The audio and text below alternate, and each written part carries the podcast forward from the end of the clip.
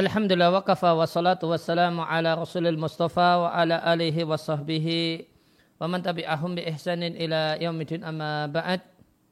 Kaum muslimin dan muslimah pendengar radio muslim Yogyakarta rahimani wa rahimakumullah. Materi pengantar kita dalam kesempatan eh, malam hari ini adalah tema tentang masalah eh, masa iddah atau masa tunggu Ya, masih melanjutkan kajian dari kitab Manhajus Salikin karya Syekh Abdurrahman Ibn Nasir As-Sa'di rahimallahu taala. Disampaikan di matan Manhajus Salikin al-iddatu yang disebut dengan masa iddah adalah tarabbusuman faraqaha zaujuha. Masa tunggu seorang wanita yang ditinggal oleh suaminya bimautin ditinggal mati autolakin atau mendapatkan talak dari suaminya.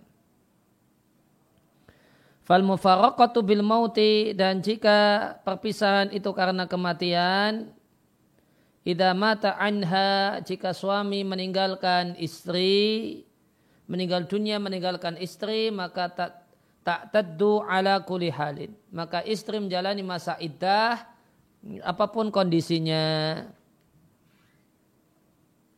Fa'inkanat hamila jika suami meninggal dunia dalam keadaan istri hamil fa'iddatuha wada'uha jami'a ma fi batniha. Maka masa idahnya itu berakhir dengan melahirkan semua yang ada di perutnya menimbang firman Allah Ta'ala di surat At-Talaq ayat yang keempat. Wa ulatul ahmali ajalahunna ayadna hamlahun. Dan wanita-wanita yang hamil maka batas akhir masa tunggunya adalah sampai melahirkan. Dan ayat ini bersifat umum baik wanita tersebut berpisah bimautin karena ditinggal mati atau perpisahan hidup yaitu perceraian. Ya, demikian isi atau kemudian terjemah dari matan manhajus salikin.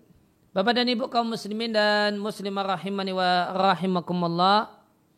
Maka masa tunggu setelah ditinggal mati atau dicerai oleh suami disebut dengan sebutan iddah. Yang dalam bahasa Arab uh, diambil kata-kata adat yang artinya bilangan.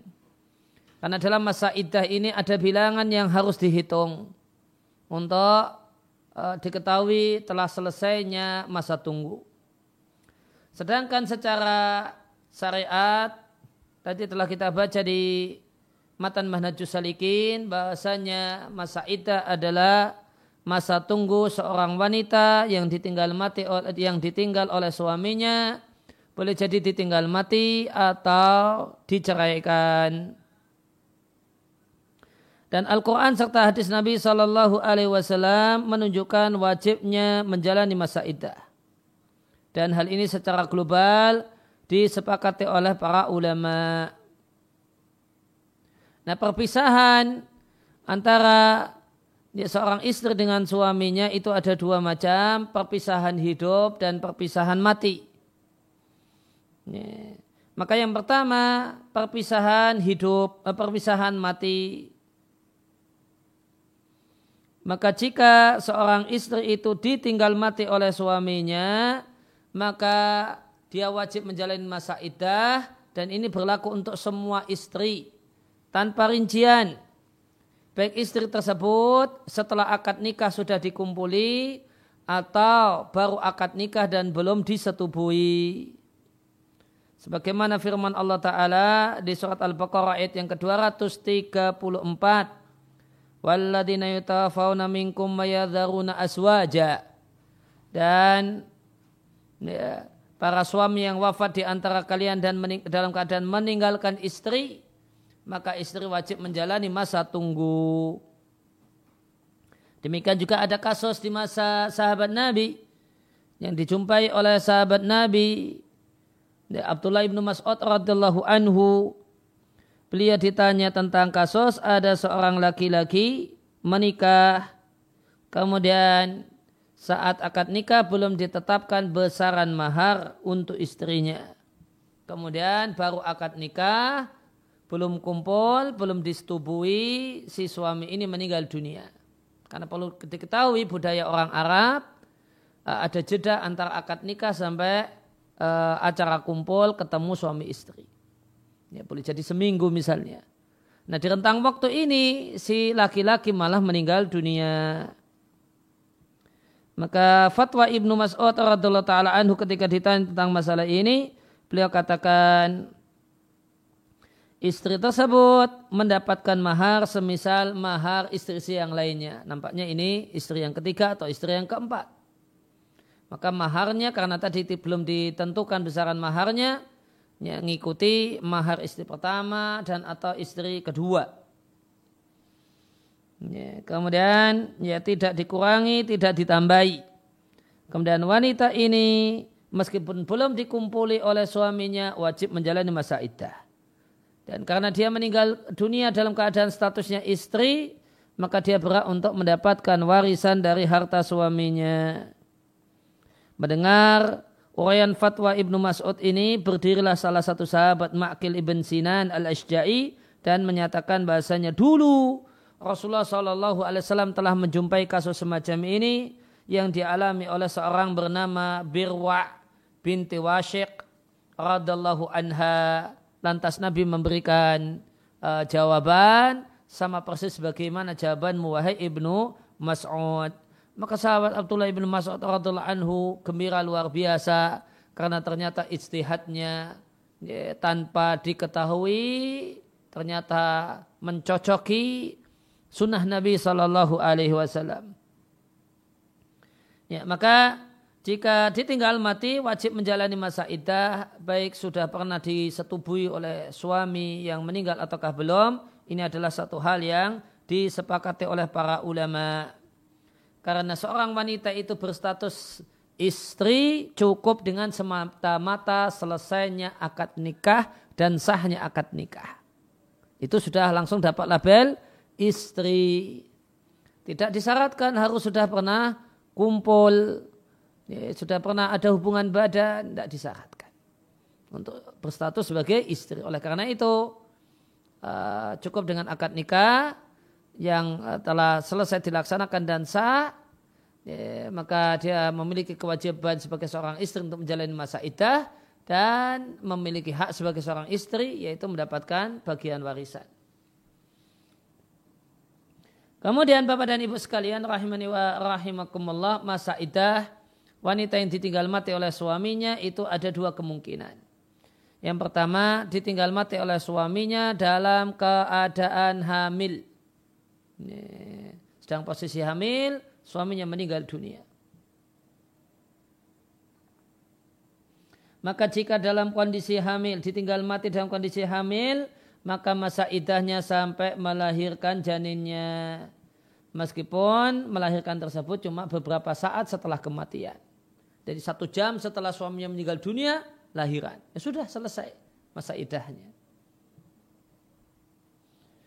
dan uh, selesai dengan keluarnya semua yang ada di perutnya. Maka jika baru sebagian badan, nah, belum selesai masa idah. Atau jika di perut itu kembar ada dua, kemudian yang keluar baru satu, maka masa idah belum selesai sampai semuanya keluar. Mengingat firman Allah Ta'ala di surat At-Talaq ayat yang keempat. Dan surat At-Talaq ayat yang keempat itu bersifat umum, untuk orang yang ditinggal uh, ya, ya, ya, uh, bersifat umum untuk semua wanita yang hamil kemudian berpisah dari suaminya baik dalam bentuk ditinggal mati ataupun diceraikan. Dan di masa Nabi ada kasus ya, seorang sahabiah namanya Subai'ah bintil Haris al-Aslamiyah. Dia ditinggal mati oleh suaminya yang bernama Sa'ad ibn Khawlah. Dan ketika suaminya meninggal dunia, dia dalam kondisi hamil. Maka uh, Subai'ah ini bertanya kepada Nabi ini, tentang kasus ini, yaitu kapankah masa idahnya berakhir. Kata Subai'ah, fa'aftani bi'ani qad halaltu hina wada'tu hamli. Maka Nabi memberikan fatwa kepada aku bahwasanya ketika aku melahirkan maka aku telah halal untuk menikah lagi. Dan Nabi perintahkan padaku, bolehkan pada membolehkanku untuk menikah lagi jika aku berkeinginan setelah selesai melahirkan.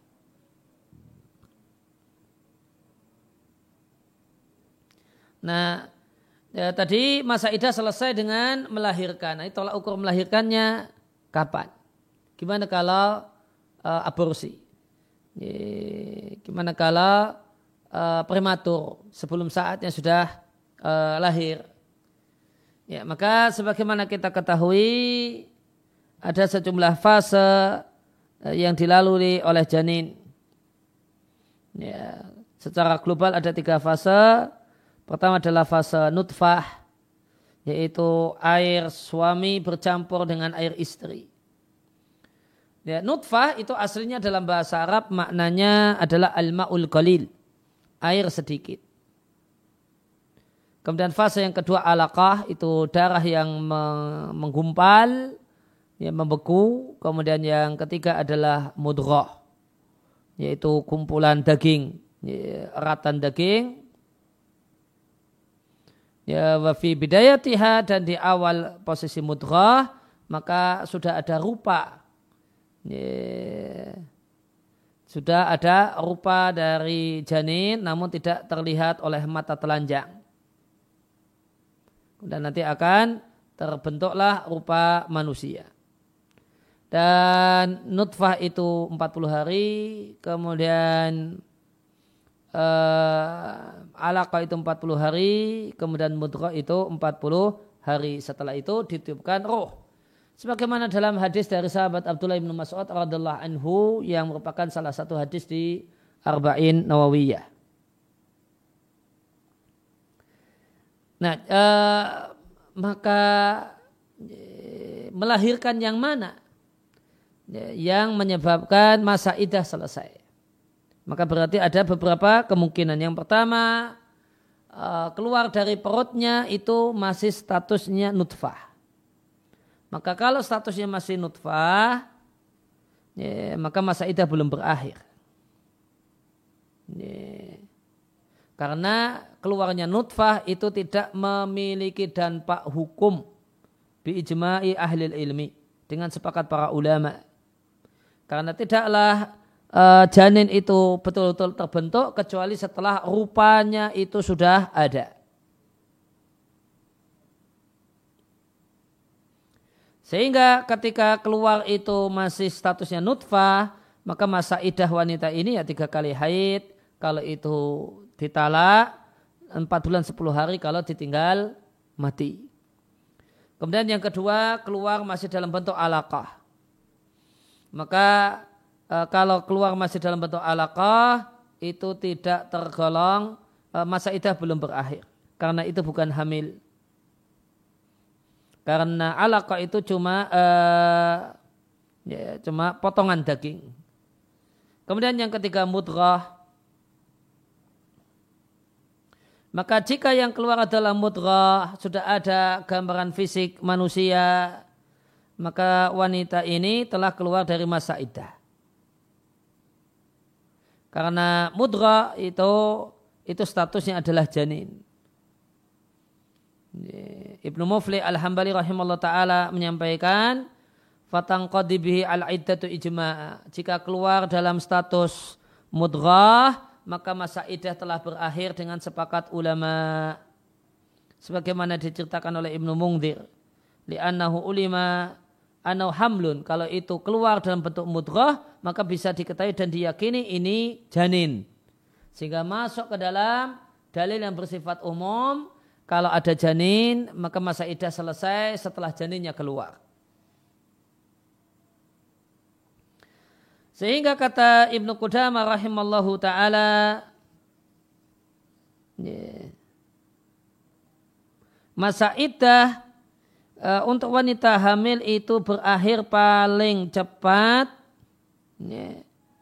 Ya, manakala dia melahirkan setelah 40 hari kehamilan. Nah, empat, uh, setelah 80 hari kehamilan. 80 hari itu ngitungnya dari mana? Mungdu amkanahu wa ta'uha. Sejak memungkinkan bagi suami untuk mengumpuli istrinya. Artinya sejak suci, kemudian hubungan biologis pertama setelah suci yang kemudian nanti setelah itu ternyata nggak haid-haid lagi karena hamil. Maka diingat-ingat. Nah, ini ternyata uh, bulan kedua uh, nggak nggak haid, pakai positif tes positif. Nah, ngitungnya dari mana 80 itu dari hubungan biologis pertama kali yang terjadi setelah haid selesai.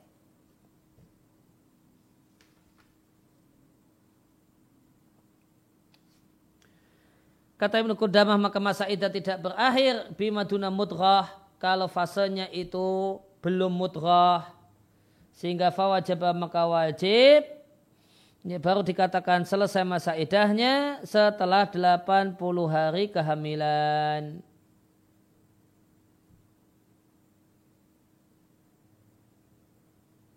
Ya, jadi gimana 80 hari kehamilan itu dihitung oleh para ulama, ulama fikih anal fuqaha ayahsibuna muddata hamli min awali wata'in ba'dat tuhri.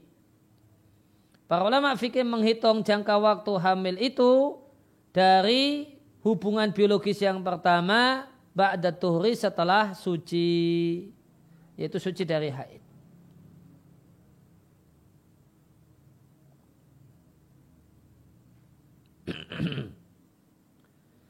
Kemudian uh, yang rincian yang keempat, jadi uh, keluar dalam keadaan nutfah, kemudian alaqa, mudghah, kemudian yang keempat, keluar dalam keadaan tabinu bihi khalqu insanin, telah jelas padanya fisik manusia.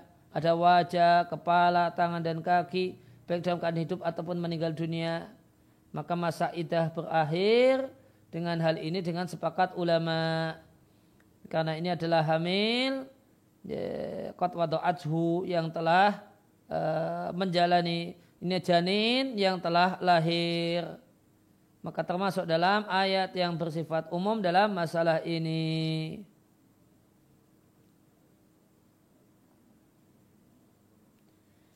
kemudian uh, sekalian kita selesaikan masalah masa iddah. Uh, ya, masa iddah. Eh, karena ditinggal mati. Wa, wa ilam takun hamila.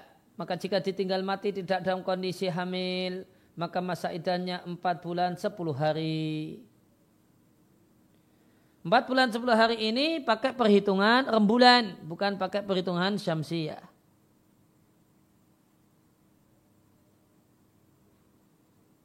sehingga kapan masa idah berakhir? Masa idah berakhir dengan tibanya malam 11 dari setelah genap 4 bulan berarti masuk bulan kelima. Nah, 4 bulan kelima malam pertama kedua tiga empat lima enam tujuh delapan sembilan sepuluh. Begitu uh, maghrib ya, maghrib tanggal 10 masuk ya, malam 11 nah itu selesai masa idahnya nanti habis maghrib kemudian akad nikah boleh. Eh, karena masa itu berakhir dengan tenggelamnya matahari dengan tibanya malam 11. Dan ini satu hal yang disepakati oleh para ulama masa idah wanita yang ditinggal ya, mati dalam keadaan tidak hamil adalah 4 bulan 10 hari. Ini sepakat para ulama baik istri tersebut sudah dikumpuli ataukah belum dikumpuli. berdasarkan ayat dan keputusan Nabi Shallallahu Alaihi Wasallam dalam kasus Birwa binti Wathiq yang belum di meninggal suaminya meninggal dunia dalam keadaan dia belum dikumpuli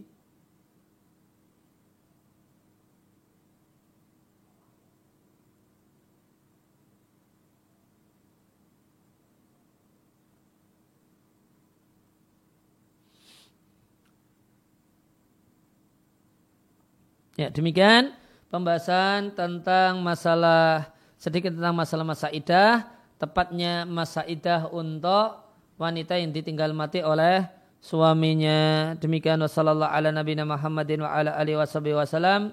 Baru rabbil alamin. Saya kembalikan ke Mas Saifuddin.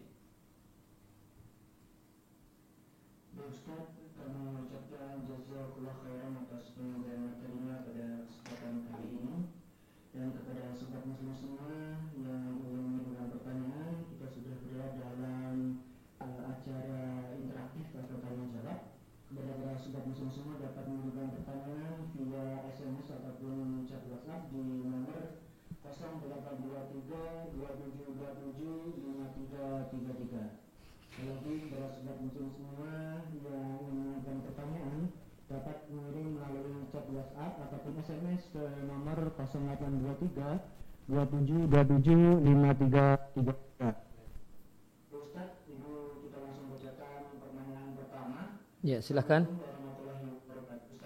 Waalaikumsalam warahmatullahi wabarakatuh. Semoga Allah selalu menjaga Ustaz dan keluarga. Amin.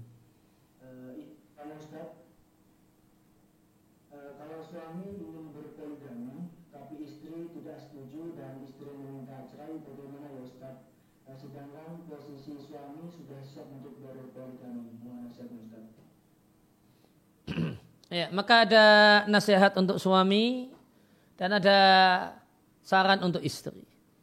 Nasihat untuk suami ya, ketika seorang laki-laki ingin uh, berpoligami, tujuan uh, semestinya adalah ingin membangun dua istana, dua rumah, dan bukan membangun rumah baru dengan uh, merobohkan rumah lama. Oleh karena itu, ya semestinya uh, berupaya untuk memberikan edukasi, pemahaman uh, pada istri yang pertama tentang uh, maksud baik dari suami untuk berpoligami. Uh, sehingga tujuan dan maksud uh, ya, dari suami ini ingin membangun dua istana, ingin membangun dua rumah, itu ingin menjadi pemimpin di dua rumah, itu ya, tujuan dan maksudnya terwujud. Dan jangan sampai uh, terjadi sebagaimana kata orang uh, menyelamatkan janda dengan menjandakan istri sendiri. Maka itu uh, nasihat untuk suami. Kemudian yang kedua saran untuk istri perlu diketahui bahasanya uh, meminta cerai tanpa alasan yang kuat itu satu hal yang nilainya dosa besar. Dan itu cukup dengan minta, meskipun ternyata permintaan tidak dikabulkan. Ceraikan aku mas, gitu. Cukup dengan itu, uh, jika ini tanpa alasan yang kuat, ya, maka ini dosa besar. Cukup dengan mengatakan, ya kalau kamu, kalau jenengan ya, poligami, ya, saya mundur saja. Maksudnya saya minta cerai. Cukup dengan kalimat ini, cukup dengan chat ini, ya, wanita ini telah melakukan dosa besar.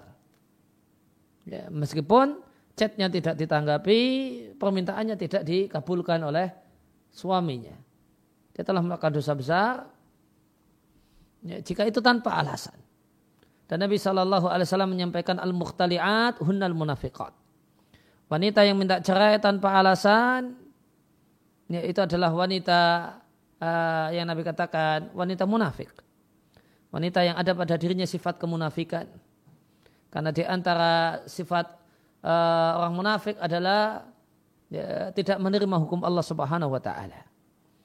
Ya, dan dan dalam hal ini uh, wanita yang minta cerai karena tanpa alasan yang kuat maka semata-mata alasannya karena suaminya mau berpoligami, maka ada pada dirinya sikap tidak menerima hukum Allah Subhanahu wa taala. Jadi kalau semata-mata ber, uh, suami berpoligami, maka minta cerai satu hal yang hukumnya haram. Ya, minta cerai itu bisa diperbolehkan manakala suami terbukti tidak bisa menjalankan fikih poligami dengan baik. ya, hak-hak dalam hal ini istri pertama itu terlantar dan dipenuhi. Atau uh, ya, ya, maka ketika itu barulah kemudian seorang istri punya hak untuk uh, minta cerai. Nah,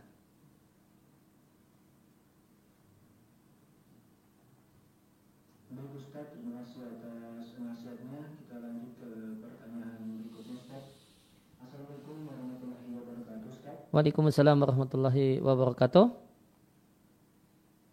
Kalau pasangan suami istri mau campur atau jina berdoa terlebih dahulu supaya jin atau setan tidak ikut campur.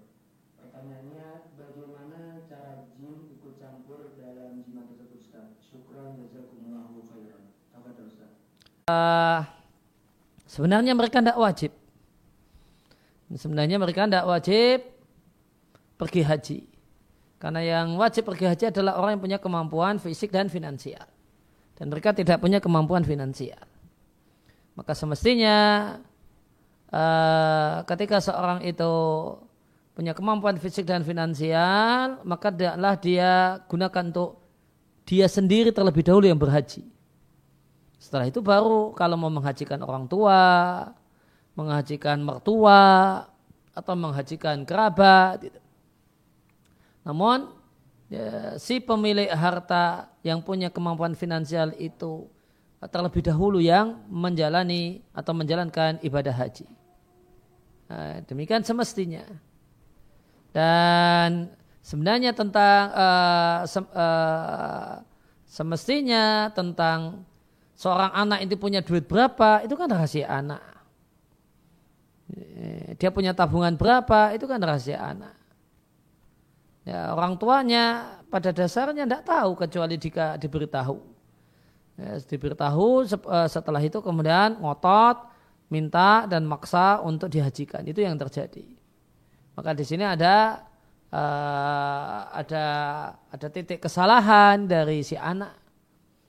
Ya, karena dia tidak harus menceritakan berapa uang tabungan yang dia miliki. Ya, ketika dia ini uh, harta, bisa untuk haji, kemudian apalagi bahkan berdua dengan istri, sudah langsung daftarkan. Ya, nanti cerita kepada orang tua setelah dalam kondisi mau berangkat. Nah, saya, saya sama istri sudah daftar haji pak.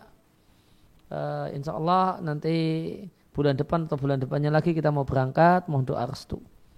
Ya, semestinya lebih tepat sikap semacam ini. Nah.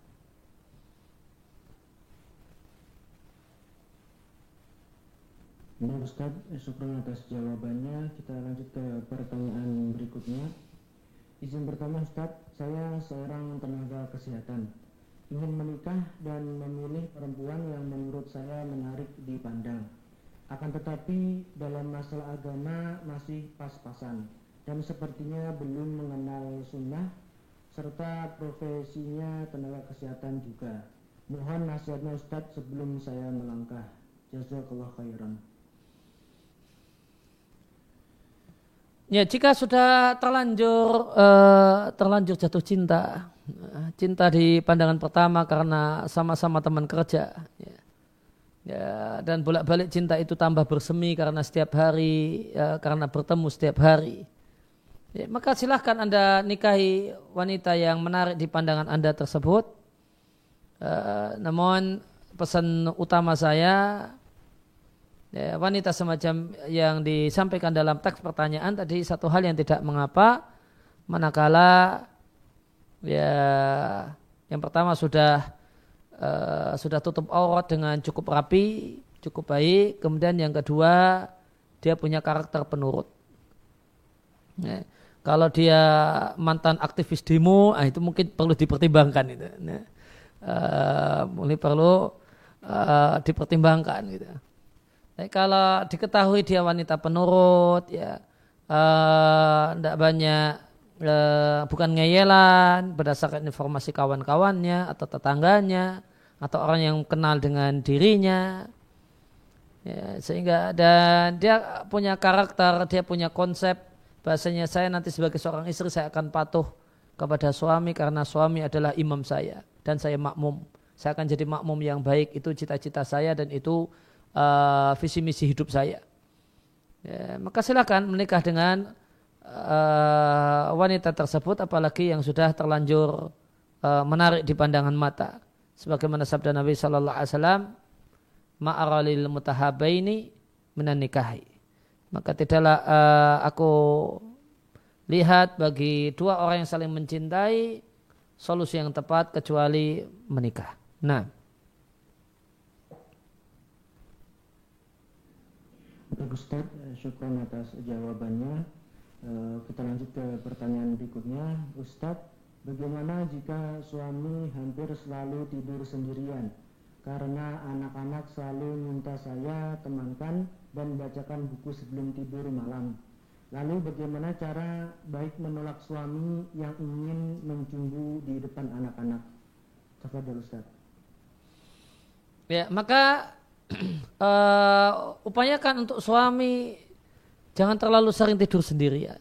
Jadi setelah menidurkan anak-anak, maka hendaknya istri ini kemudian nyusul ke tempatnya suami. Ya, temani suami.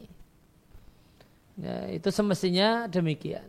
Atau minta tolong kepada suami karena sering kali kalau nidurkan anak-anak ikut tidur ngomong ke suami mas nanti eh, kalau anak-anak udah tidur dan saya ikut tertidur tolong bangunkan ya. ya. Jadi pesan uh, ya, kepada pada suami untuk demikian. Bahkan kalau perlu kemudian agak ngambek kalau ternyata suami lupa untuk bangunkan. Ya, ya, bangun-bangun udah subuh ya belum dibangunkan oleh suami sehingga belum pindah ke tempat suami. Kemudian yang kedua ya, ya komunikasi dengan suami sampaikan bahasanya ya, mencumbu istri kemudian di depan anak-anak nanti khawatir itu masuk ke memori, uh, memorinya. Ya nanti kemudian uh, itu mempengaruhi psikologinya. Ya tolonglah kemudian kalau mau ya deket-deket dalam tanda kutip ya bentuknya mencium atau yang lainnya ya itu uh, dalam keadaan tidak ada anak-anak. Atau dibatasi ya sekedar bentuk sayang memeluk uh, mencium mencium pipi uh, di depan anak-anak tidak masalah tapi kalau lebih dari itu mencium bibir misalnya di depan anak-anak ya uh, satu hal yang tidak tepat dilakukan. Jadi intinya eh, komunikasi antara suami dan istri. Hendaknya sama-sama menyadari pentingnya menjaga kejiwaan dan psikologi anak sampai dewasanya. Dan itu dimulai dari apa yang dilihat dan disaksikan oleh anak di masa kecilnya. Nah. Baik Ustadz, syukur atas pertanyaan jawabannya. Kita lanjut ke pertanyaan berikutnya, Ustadz, apa yang harus dilakukan seorang anak ketika ibunya ini sedang sakit keras dan sedang dirawat, sedangkan kedua anaknya berada di luar kota semuanya dan tidak bisa ditinggalkan karena pekerjaan dan sedang di masa COVID-19. Mohon nasihatnya Ustadz. Kalau tidak ada yang merawat e, merawat ibunya, maka dua-duanya anak durhaka. Nih, ini ibunya sendirian, jatuh sakit, tidak ada yang rawat. Ya. Maka silahkan pilih-pilih antara pekerjaan ataukah status sebagai anak durhaka. Ya, timbang baik-baik. Apa ya, dan sadari bahasanya dunia sehebat apa pun dan jika kemudian uh, tidak mendapatkan ridho orang tua, ridho ibu, bahkan kemudian durhaka, itu semua tidak ada nilainya. Nah,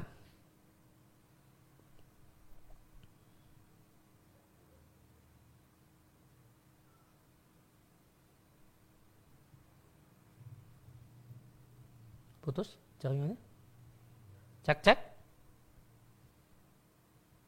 Mas Saifuddin?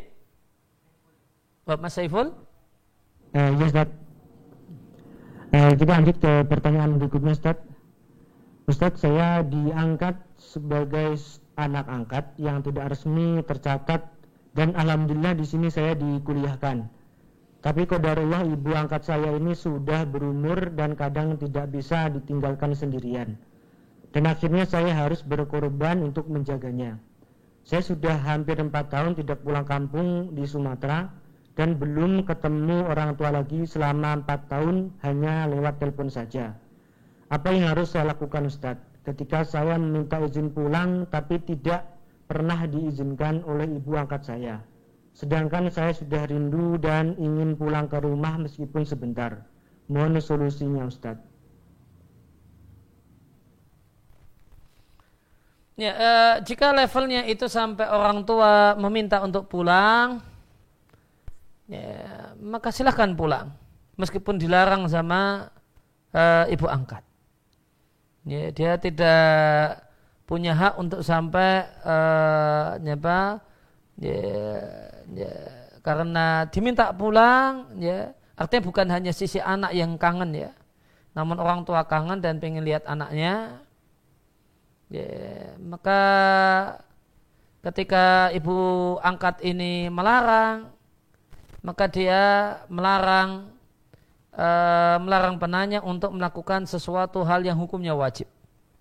Dan tidak ada ketaatan kepada makhluk jika untuk durhaka kepada Allah Subhanahu wa taala. Dan di antara bentuk durhaka kepada Allah Subhanahu wa taala adalah tidak memenuhi panggilan ya, orang tua kandung. La ta'ata li makhlukin fi ma'syatil khaliqi. Tidak ada ketaatan bagi makhluk untuk durhaka kepada Allah Subhanahu wa taala. Nah. Baik Ustaz, kita lanjut ke pertanyaan berikutnya. Uh, Assalamualaikum warahmatullahi wabarakatuh Ustaz. Waalaikumsalam warahmatullahi wabarakatuh apa hukum mengambil stiker dari aplikasi kartu seluler yang bisa ditukar poin Ustaz? Poin tersebut bisa ditukar kuota. Jika langsung dapat bonus koin tanpa tukar stiker, bagaimana hukumnya? Jazakumullahu khairan. Gimana Mas? Tolong diulangi pertanyaannya. Uh, bagaimana hukum mengambil stiker dari aplikasi kartu seluler yang bisa ditukar poin Ustaz? Poin tersebut bisa ditukar kuota. Jika langsung dapat bonus koin tanpa tukar stiker, bagaimana hukumnya, Ustaz? Uh, saya belum, uh, saya tidak punya gambaran detail tentang apa yang ditanyakan. Stiker ini apa maksudnya? Tadi ada istilah stiker, ada istilah koin, kemudian ada istilah apa tadi bisa kuota. Uh, maka ini perlu orang yang lebih uh, lebih lanjut. Tapi ini Mas uh, ya, Saifullah ini uh, diutamakan tentang masalah keluarga ya, bukan uh, masalah muamalah.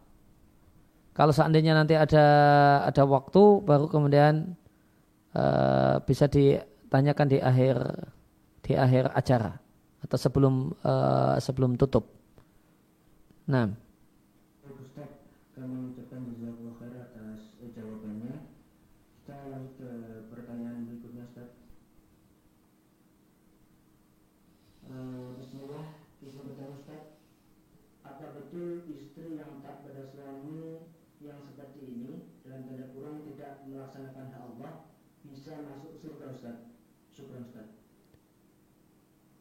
Suaminya tidak menaikkan hak Allah. Apa yang dimaksud dengan suami tidak menaikkan hak Allah? Suaminya tidak sholat. Ya, maka kalau suaminya tidak sholat, dan sama sekali belas tidak sholat, maka istri jangan taat dalam artian melayani kebutuhan biologis suaminya.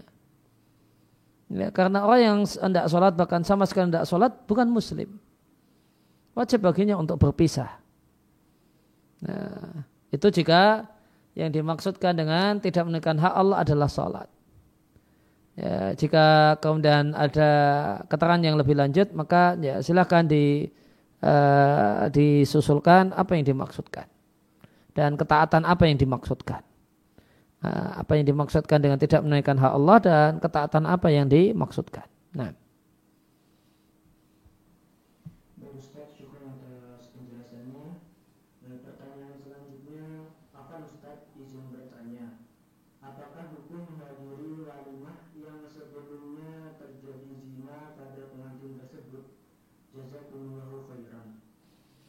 Jika zina ini diketahui dan kehadiran itu dianggap uh, ya istilahnya tidak mempermasalahkan keburukan yang telah uh, keburukan yang telah terjadi dan tidak datang itu adalah ekspresi ya, ekspresi tidak suka dengan apa yang telah terjadi sebagaimana uh, pandangan standar di masyarakat kita ya, pandangan standar di masyarakat kita tidak setuju dengan apa yang telah terjadi yaitu nikah didahului dengan zina adalah dengan tidak hadir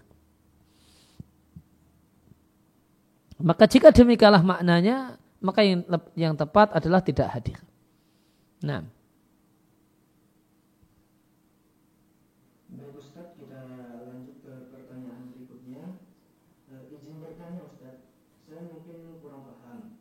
Apakah wanita yang telah cerai menjadi wanita asing bagi mantan suaminya? Apakah berarti ia bukan mahram dan tidak boleh menyentuhnya kembali? Betul sekali jika sudah bercerai, kemudian masa idah sudah berakhir, ya, maka uh, lelaki dan perempuan ini sudah resmi orang lain. Tidak boleh pegangan, tidak boleh berduaan, tidak boleh boncengan, uh, naik motor bareng dan uh, dan yang lainnya.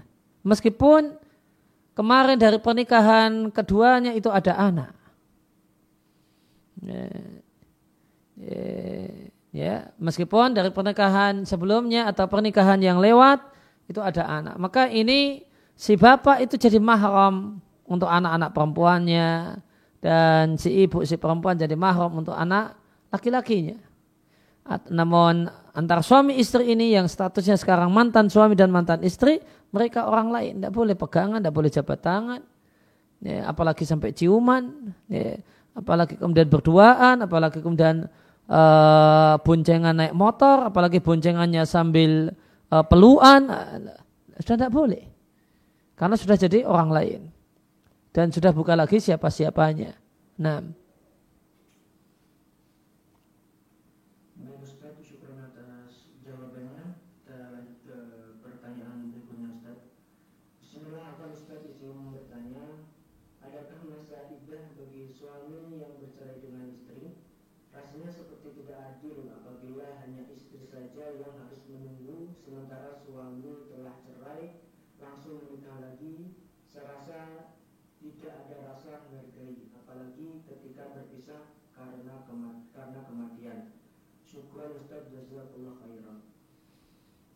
uh, ada masa idah jika uh, ya, ya, ya jika cerai dengan uh, dengan kakaknya kemudian mau nikah dengan adiknya. Atau cerai dengan adiknya mau nikah dengan kakaknya. Uh, maka itu ada masa idahnya. Artinya si suami ini wajib nunggu sampai masa idah istrinya selesai. Baru dia boleh nikah dengan Eh, kakak mantan istrinya atau adik mantan istrinya. Adapun jika dengan dengan orang lain maka tidak ada masa idah. Kenapa ada masa idah dalam hal ini, dalam kasus ini kemudian khusus untuk uh, perempuan? Yang pertama karena menunjukkan besarnya hak suami. Ini tidak akan bisa dipahami kalau uh, kalau konsep Islam bahasanya suami itu punya hak yang tinggi, suami itu statusnya imam, yang punya hak tinggi itu tidak di, uh, tidak disadar, tidak di uh, tidak disadari. Ya, maunya suami istri itu tidak ada imam, tidak ada makmum. Tidak ya, ada kemudian nahkoda, tidak ada kemudian uh, penumpang maunya setara. Nah, maka nanti boleh eh, maka wajar kemudian muncul ya, kenapa ada hak istimewa. Namun jika seorang itu menyadari ya, jika seorang wanita itu menyadari bahasanya status sebagai suami itu istimewa. Maka nanti wajar jika ada hak-hak istimewa. Ya, tapi kalau konsep yang ada di pikirannya, oh setara, ada ada itu imam. Kita semua imam ini. Uh, suami istri itu imam semua. Terus makmumnya siapa? Tidak ada. Eh, makmumnya tidak ada. Dua-duanya imam semua. Nah, nanti baru kemudian muncul, wah ini tidak adil. Kenapa ada hak, hak istimewa? Nah, jika seorang itu menyadari bahasanya itu berbeda. Bahasanya suami itu imam, suami itu pemimpin, kepala rumah tangga, nahkoda di bahtera rumah tangga, maka ketika terjadi perpisahan sekalipun, dia sudah tidak lagi jadi imam uh, imamnya, itu ada uh, ya, di ya, maka pada saat perpisahan ada hal-hal yang menunjukkan kalau itu uh, istimewa. Ya, kalau ini dalam dunia kerja, ya lainlah kalau orang itu sudah tidak lagi kerja dengan status dia karyawan biasa atau statusnya di kepala kantor sudah pensiun atau yang lainnya, maka ada seremonial, perpisahan, ada serah terima jabatan dan sebagainya. Ya, satu hal yang tidak ada pada orang yang biasa-biasa. Ya, dulu seorang presiden dan sekarang sudah tidak lagi jadi presiden, masih tetap mendapatkan uh, apa hak-hak istimewa mantan presiden, boleh jadi dari sisi jaminan kesehatan, boleh jadi dari yang lainnya. Ya, ya, maka jika kita menyadari oh dia presiden, ya, punya hak istimewa, meskipun sudah tidak jadi presiden, namun perlindungan kesehatannya beda dengan rakyat biasa, maka kita akan wajar-wajar saja, akan uh, akan menerimanya sebagai satu hal yang wajar. Namun jika tidak ini tidak disadari, ya, maka akan timbul protes. Dia kan sudah tidak presiden. Dia kan sudah rakyat jelata seperti saya. Maka ya ada ada kemudian pengawalan, tidak ada uh, hak istimewa dalam pelayanan kesehatan dan sebagainya. Apa beda dia dengan saya? Uh, dia rakyat jelata, saya rakyat jelata. Nah, maka protes dalam hal ini berangkat dari ya, tidak menerima kalau Suami itu imam. Suami itu pemimpin. Sehingga dia punya sejumlah hak istimewa. Ya. Kemudian yang kedua, uh, kenapa kemudian perempuan yang uh, menjalani masa ting, masa idah atau masa tunggu ya, dan laki-laki di, di mayoritas keadaannya tidak punya uh, kondisi demikian, Ya, karena di antara sebab masa masa idah itu untuk memastikan uh, memastikan hami, uh, memastikan rahim di antara ya, di antara hikmahnya di sebagian kasus adalah untuk memastikan rahim karena Islam menjaga ya, ada nasab tidak campur dan tidak rusak. Bayangkan kalau uh, cerai terus dan sama-sama ada masa idahnya. Si suami si si mantan suami nikah lagi, si mantan istri juga langsung nikah lagi. Kemudian hamil. Ini hamil ini hamil dari is, suami yang kemarin atau dari suami yang baru, tidak jelas. Maka ada masa idah ya karena rahim itu di antara sebabnya karena rahim itu yang punyanya wanita. Laki-laki tidak ada rahim. Seandainya laki-laki juga bisa hamil, rahim, ada rahim, perlu juga menjalin masa iddah. Ya, supaya jelas ya, ini anaknya siapa seandainya terjadi kehamilan. Nah.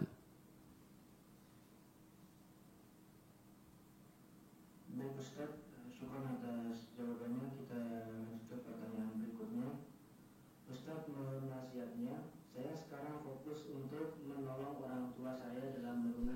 akan lama untuk nikah nanti karena sampai sekarang saya kesusahan untuk menabung. Mohon nasihatnya Ustaz. Ya, bantuan anak untuk menolong hutang orang tua itu tidak mesti dalam bentuk melunasi hutang orang tua. Ya, ya, karena hutang orang tua itu pada dasarnya kewajiban orang tua dan dipikulkan, dibebankan pada harta orang tua. Sehingga di antara bentuk bantuan anak adalah menjualkan aset orang tua. Bantu supaya cepat laku, ya, ya supaya cepat laku kemudian bisa segera melunasi hutang. Ya, itu sudah membantu. Dan itu sudah sangat membantu. Ya, maka dan ini satu hal yang patut dipahamkan kepada orang tua. Jadi dia punya aset tanah di tiga tempat. Nah, terus dia tidak punya uang cash untuk bayar uh, utangnya. Dia tidak ingin ada sebagian aset dijual, kemudian dia beban bebani anak supaya gajinya dipakai untuk bayar utang orang tua. Ini satu hal yang tidak benar. Yang lebih utama, ya, hal yang lebih tepat adalah orang tua ini ya, menjual satu aset. Ya, tadi ada tiga tempat, aset tanahnya, salah satu aset dijual. Nah, minta tolong anak untuk bantu jualkan supaya cepat laku sehingga bisa utang cepat lunas. Nah, ini kemudian jika kondisinya adalah demikian, sebenarnya orang tua itu punya aset, namun anaknya yang dibebani untuk uh, melunasi utangnya pakai gaji si anak, maka uh, ini, ya, maka ketika anak ini uh, membantu dengan merelakan gajinya untuk uh, melunasi utang orang tua, maka silakan Anda berniat untuk minta ganti. Silahkan Anda berniat untuk minta ganti. Boleh. Meskipun boleh itu tidak tidak wajib ya. Namun boleh Anda berniat untuk minta ganti. Nanti setelah utang lunas, sampaikan pada orang tua, orang tua sudah lega, utang sudah lunas, dan sampaikan. Nih, Pak saya minta ganti kemarin duit yang uh, ini yang kepake uang yang uh, apa yang kepakai untuk melunasi ya, ya saya minta diganti untuk biaya nikah saya. Nah, atau ya kalau enggak ya saya minta hmm, tanah sebagian sana nilainya sepertinya sudah masuk ke dalam akumulasi gaji yang uh, apa pembayaran kemarin. Saya minta itu jadi uh, diikrarkan sebagai hak saya bukan anak yang lainnya. Ya silahkan demikian. Ya, meskipun ya, ini boleh dan tidak harus. Jika Anda, namun jika kemudian penanya kemudian ingin 100% membantu, ya, ya, kemudian tanpa mengharap diganti, ya, maka itu satu amal soleh yang luar biasa. Ya, tidaklah diragukan kalau itu satu bakti yang bentuk, uh, dengan bentuk yang luar biasa. Ya, dengan catatan ini jadi amal soleh yang luar biasa tanpa ngersulo, ya, tanpa ngomong di belakang. Aduh, ini saya belum bisa nikah-nikah ya, masih ngurusi utang bapak lagi, utang bapak lagi. Ah, kalau uh, pakai ngomong di belakang seperti ini, nanti ya, amal solehnya nggak jadi amal soleh. Ya, jadi ada sejumlah pilihan yang bisa dilakukan. Pertama, sampaikan pada orang tua, eh, gimana kalau jual sebagian aset supaya cepat lunas.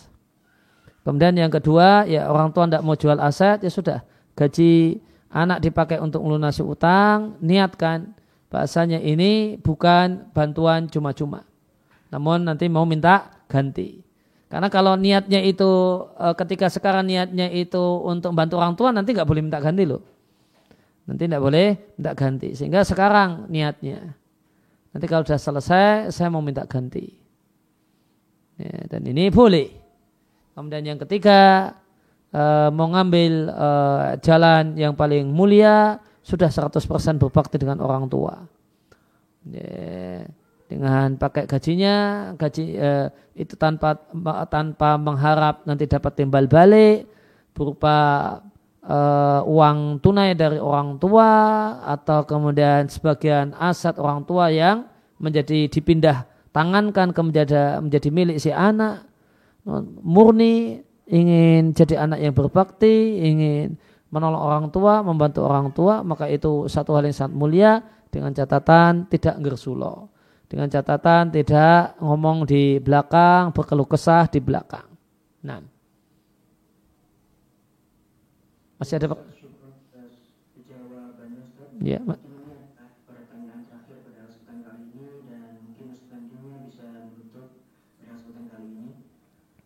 bagaimana cara bersosialisasi dengan masyarakat yang masih yang saya laki-laki dan disuruh untuk menundukkan pandangan.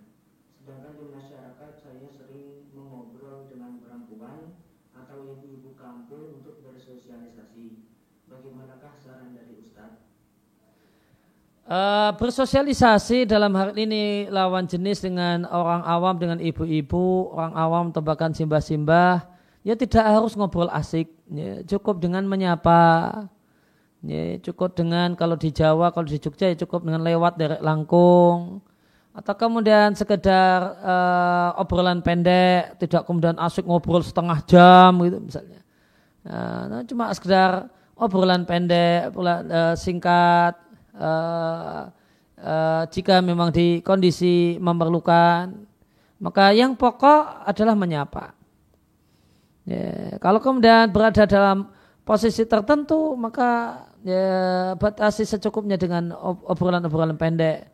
Gimana bu kabarnya, kabar bapak, kemudian kabar anak ibu yang itu uh, sekarang sudah uh, sekolah di mana, ya, mas itu. Sekarang tanya-tanya pendek begitu, ya dan tidak berasik-asik kemudian ngobrol dengannya. Itu yang saya sarankan. Ya demikian uh, kajian kita dalam kesempatan kali ini ya, dan seiring berdoa kepada Allah Subhanahu wa taala agar kehadiran kita di kelas virtual ini Allah catat sebagai amal soleh, amal kebajikan yang memperberat timbangan kebajikan kita di sisi Allah Subhanahu wa taala di hari tidaklah bermanfaat harta dan anak kecuali orang yang menghadap Allah dengan hati yang bersih dan amal yang saleh. Kemudian kami ucapkan kepada segenap kru Radio Muslim Yogyakarta, kemudian kru Hakpu TV, demikian juga Niaga TV dan media-media yang lain yang merelai acara ini. Eh, kami ucapkan jazakumullah khairan. Semoga Allah Subhanahu wa taala memberikan balasan yang terbaik untuk antum semua di dunia dan di akhirat. Wassalamualaikum warahmatullahi wabarakatuh.